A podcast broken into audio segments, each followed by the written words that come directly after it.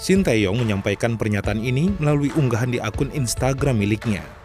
Dalam unggahannya tersebut, mantan pelatih klub Songnam Ilhwa ini menyatakan akan turut mundur apabila Ketua Umum PSSI Iwan Bule meletakkan jabatannya sebagai bentuk pertanggungjawaban moral atas tragedi Kanjuruhan.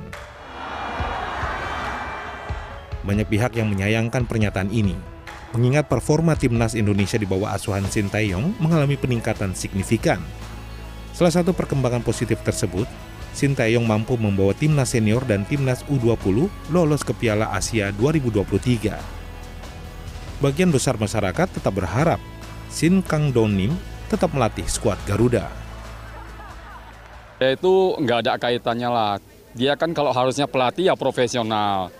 Perkara ketua PSSI-nya mundur karena ada tragedi, itu dia tetap harus konsisten, tetap latih. Yang penting target juaranya terpenuhi, bukan masalahnya karena ada polemik gitu loh. Uh, kalau menurut saya pribadi sih uh, sepak bola timnas ini kan udah bagus nih.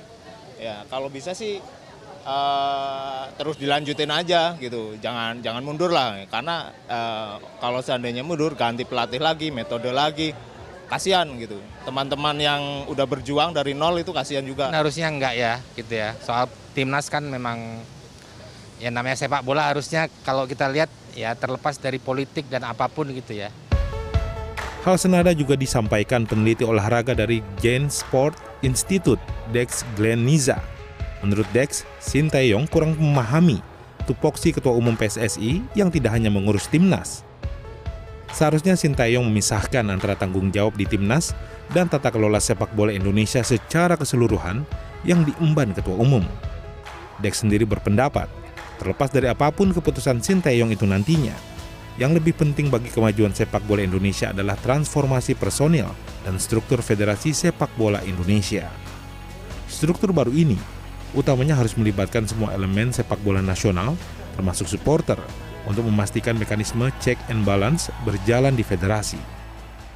Kami, Gana Sport, merekomendasikan PSSI itu udah terlalu buruk, jadi dibuat baru aja, dibuat baru federasi baru, yang mana juga di situ kami juga mengatur uh, apa suara kongresnya ada siapa aja. Kalau kayak sekarang kan kongres kan klub-klub, asprof, as, uh, terus juga perwakilan wasit ada, APPI ada kalau nggak salah, tapi nggak ada dari supporter. Nah, kami uh, melakukan studi dari Inggris.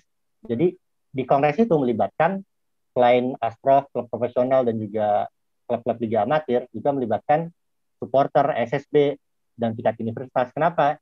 Supaya mengakomodir kepentingan-kepentingan yang lebih luas. Soalnya sepak bola itu nggak cuma kucuknya doang, kucuknya itu olahraga elit ya. Grassrootsnya juga harus dibenahi gitu. Makanya suara kongres ini nggak bisa cuma diisi oleh elit-elit dari klub, dari asprof doang. Dari grassrootsnya juga harus ada, termasuk supporter. Supporter harus punya suara juga. Meskipun sedikit, itu juga penting banget soalnya. Terus juga uh, federasi yang baru juga harus bisa diaudit juga, bagian bentuk tanggung jawaban gitu. Pemerintah rencananya akan bertemu perwakilan FIFA dan AFC pada 18 Oktober 2022 mendatang untuk membicarakan tata kelola sepak bola Indonesia ke depannya. Pernyataan pelatih timnas Indonesia Shin Taeyong melalui akun Instagramnya seolah membelah publik sepak bola Indonesia.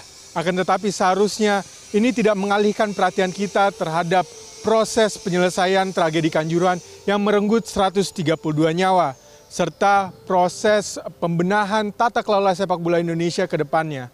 Diego Basro, Nedi Pranedia, Jakarta.